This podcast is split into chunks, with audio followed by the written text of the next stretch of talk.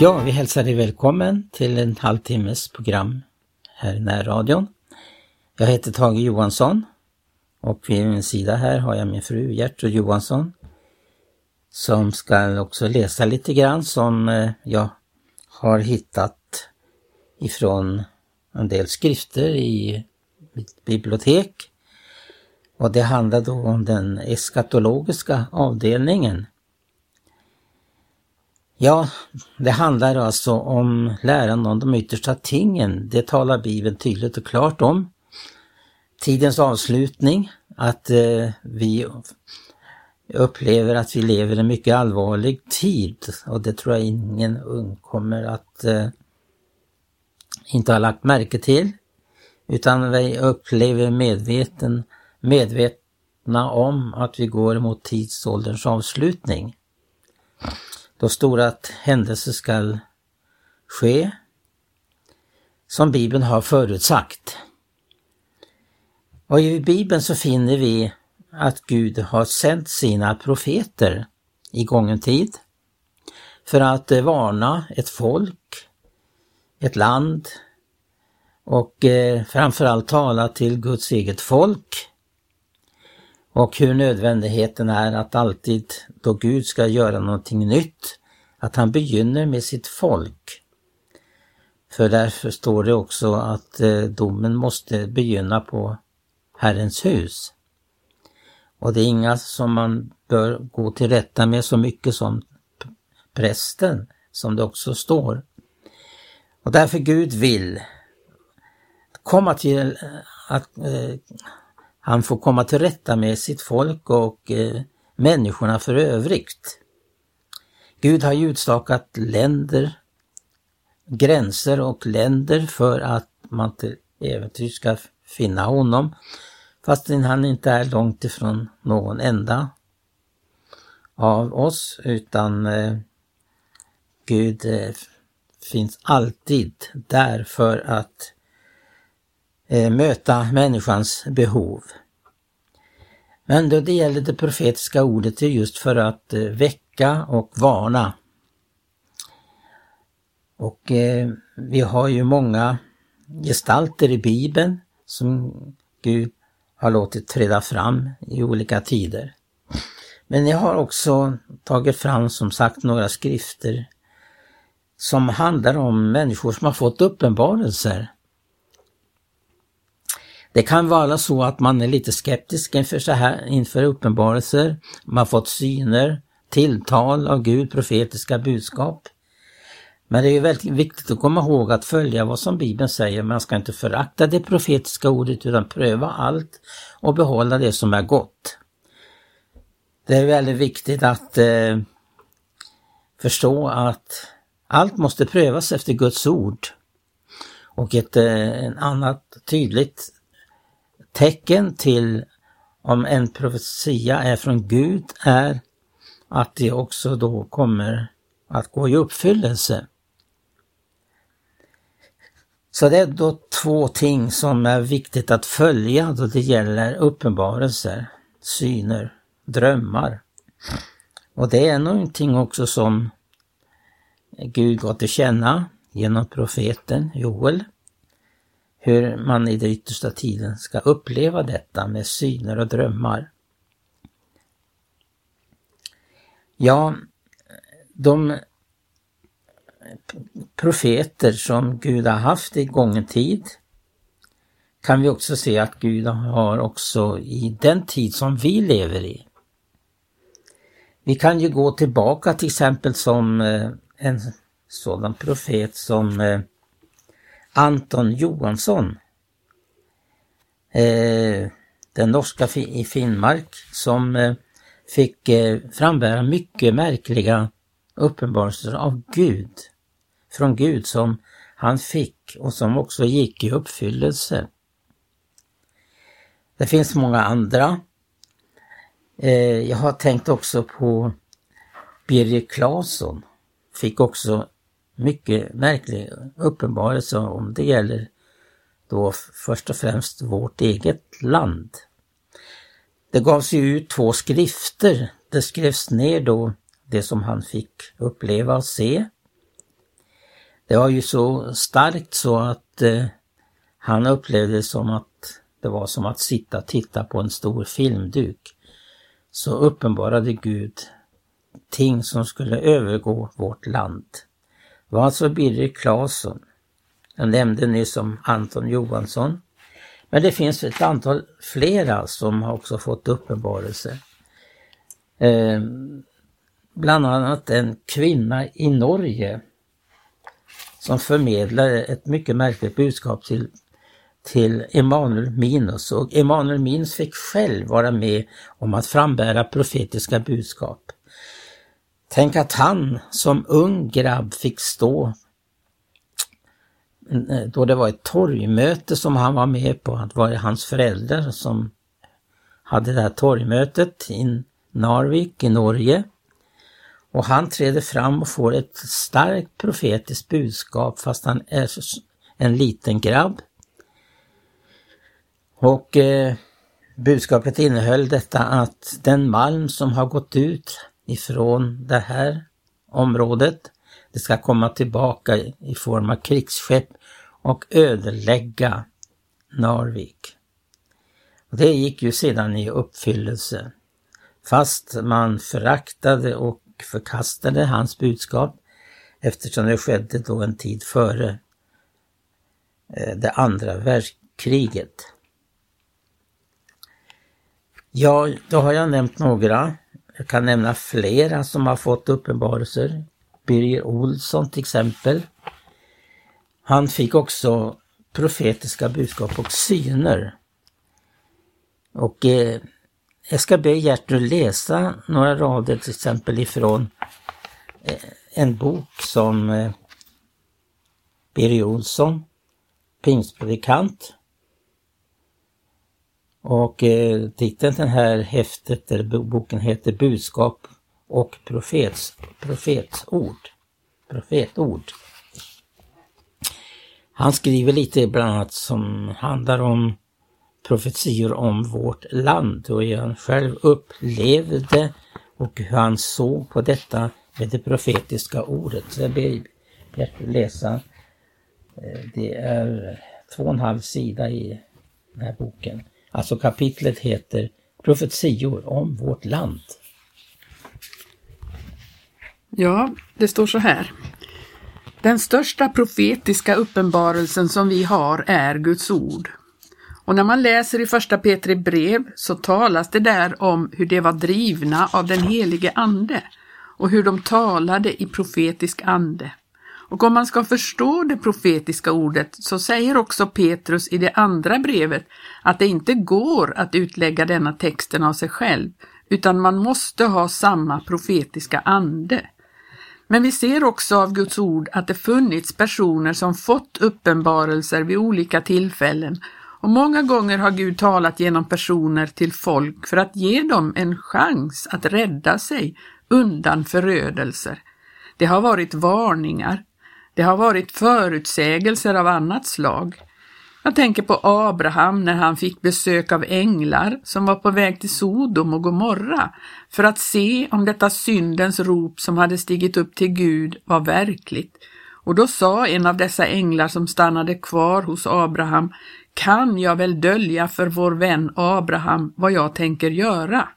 Och så delgav ängeln Abraham vad det var frågan om då det gällde Sodom och Gomorra.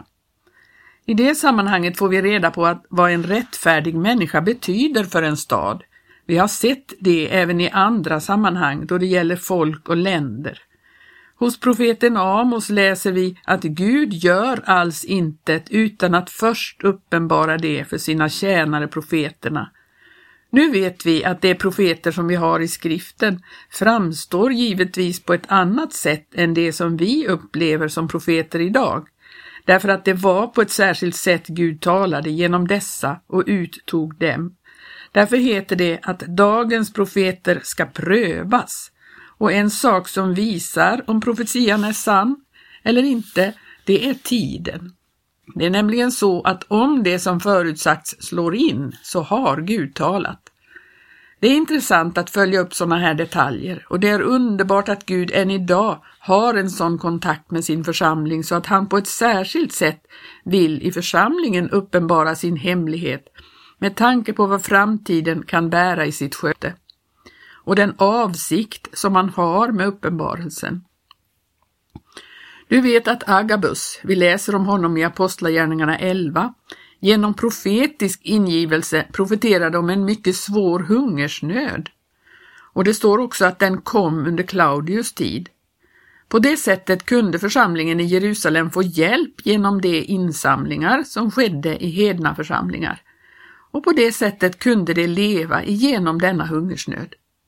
Och när det gäller sådana saker som jag nu kommer att beröra så är det många som har fått del av vad Gud menar och vad Gud tänker när det gäller hans församling och framtiden.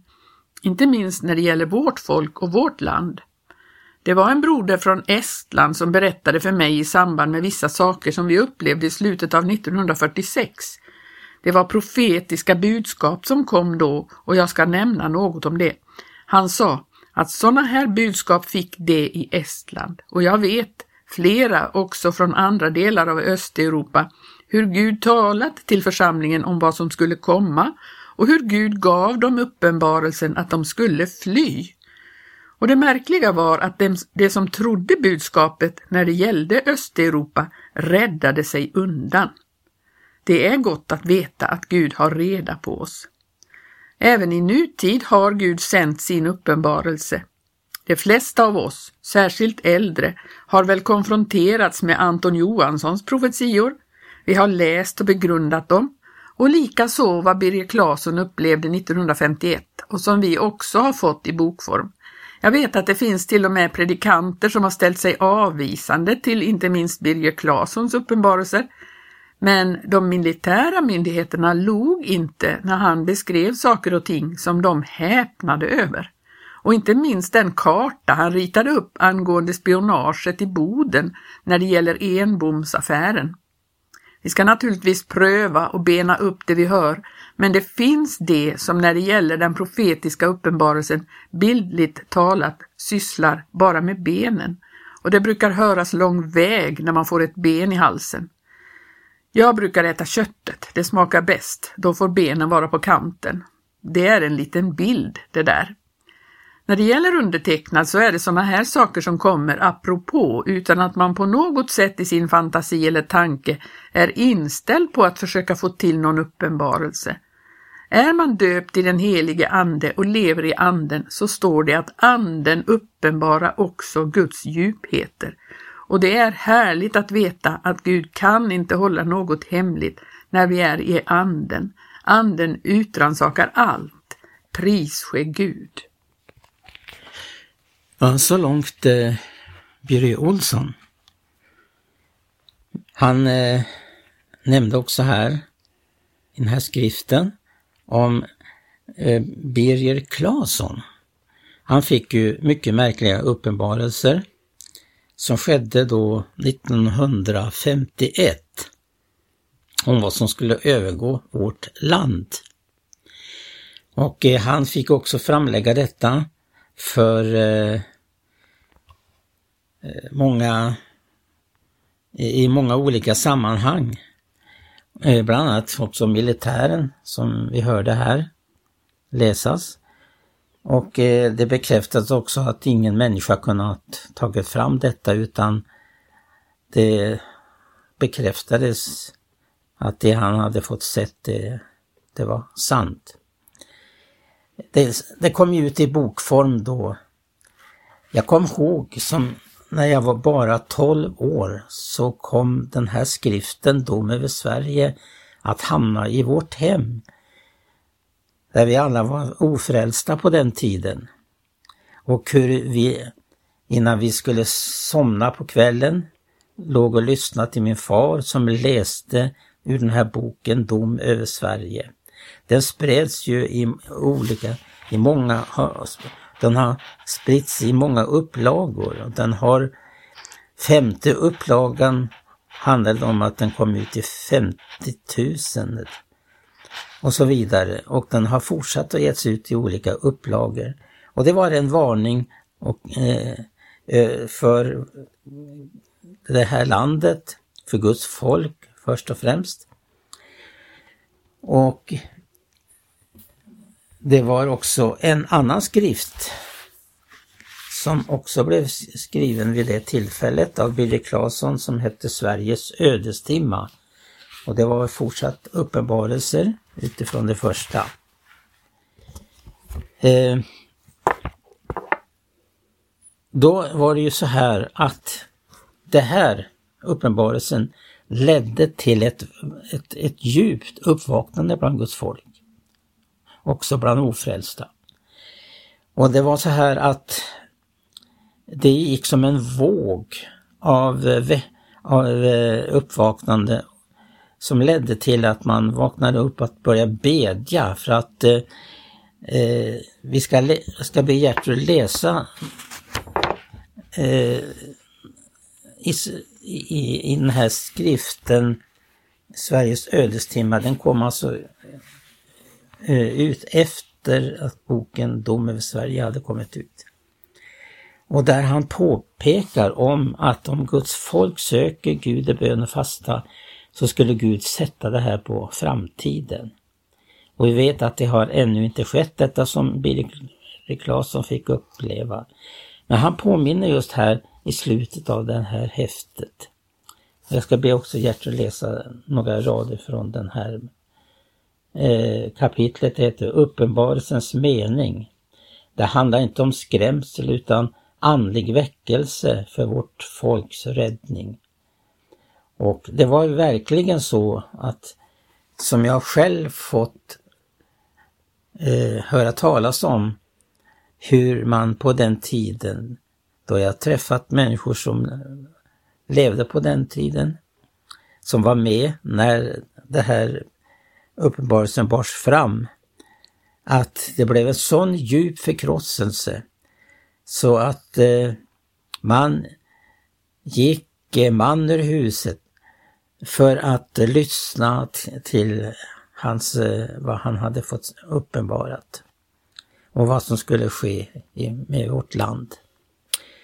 Så jag ber Gertrud läsa från, den, från det här häftet då om Sveriges ödestimma. Det står så här. Mina vänner, nu ska vi inte gå och vänta på detta förskräckliga som en gång ska komma, utan nu ska vi leva intensivare för Jesus än någonsin tillförne. Mina vänner, vi ska inte gå och vänta på angripare. Låt oss leva så att vi kan vänta Jesus på skyarna. Ty snart kommer vår älskade frälsare och alla de som har tvagit sina kläder och gjort dem vita i Lammets blod skall gå in i det nya Jerusalem som är där ovan. Och det är ett fritt land, det är de kristnas rätta fosterland. Jag är tacksam till Gud att jag kan säga, ännu vilar nåden tung över vårt land och folk. Ännu är frälsningens portar öppna.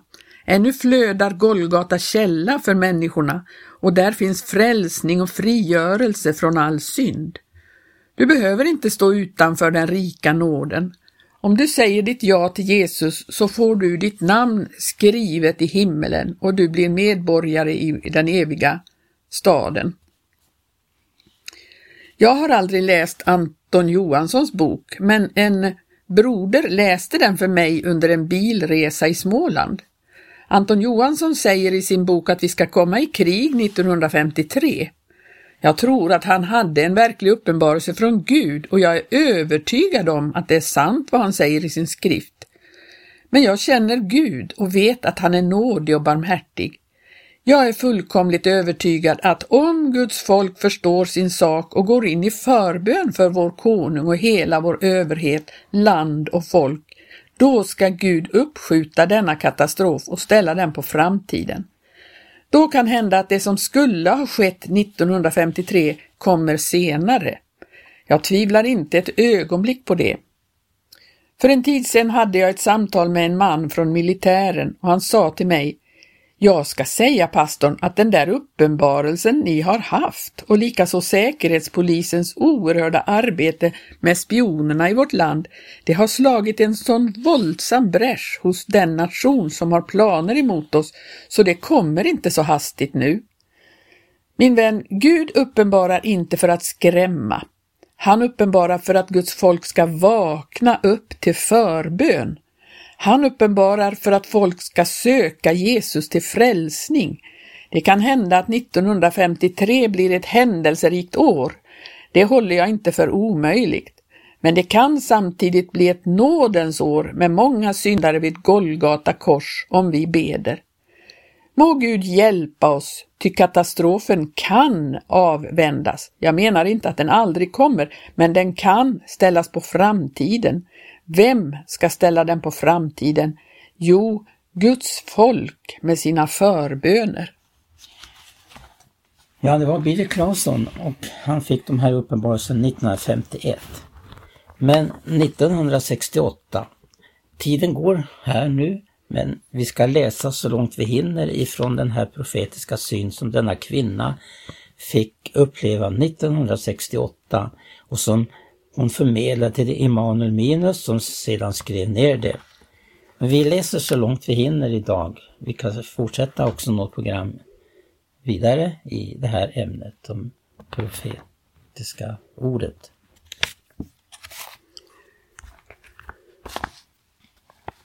Den norske väckelseevangelisten Emanuel Minus höll möten i Valdres 1968.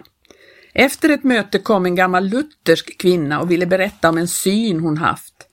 Minos skrev ner det hon berättade, men han offentliggjorde det inte då. Eh, eh, 1994 fann Emanuel Minos några gamla papper i sin skrivbordslåda. Han läste på nytt det han skrivit ner. Han blev förskräckt då han läste vad kvinnan sett i sin syn. Den var underlig och ohyggligt aktuell. Under det år som gått hade mycket gått i fullbordan. Kvinnan hade sagt till Minos att varna och berätta när tiden närmar sig. Minos minns att han gjorde invändningar i samtalet. Mycket tedde sig omöjligt, men kvinnan sa tydligt, det kommer att ske och du kommer att få se det uppfyllas. Här är synen som den gamla kvinnan berättade för Emanuel Minos 1968. Ja, vi får eh, fortsätta nästa program och då ska vi läsa hela den här uppenbarelsen som denna kvinna fick. Och som sagt så har den på ett mycket märkligt sätt gått i uppfyllelse och den fortsätter den dag som inne är att gå i uppfyllelse. Jag ska återkomma till detta och vi förstår att det här var en mycket allvarlig varning och ett väckelsebudskap till den, vår tids kristna.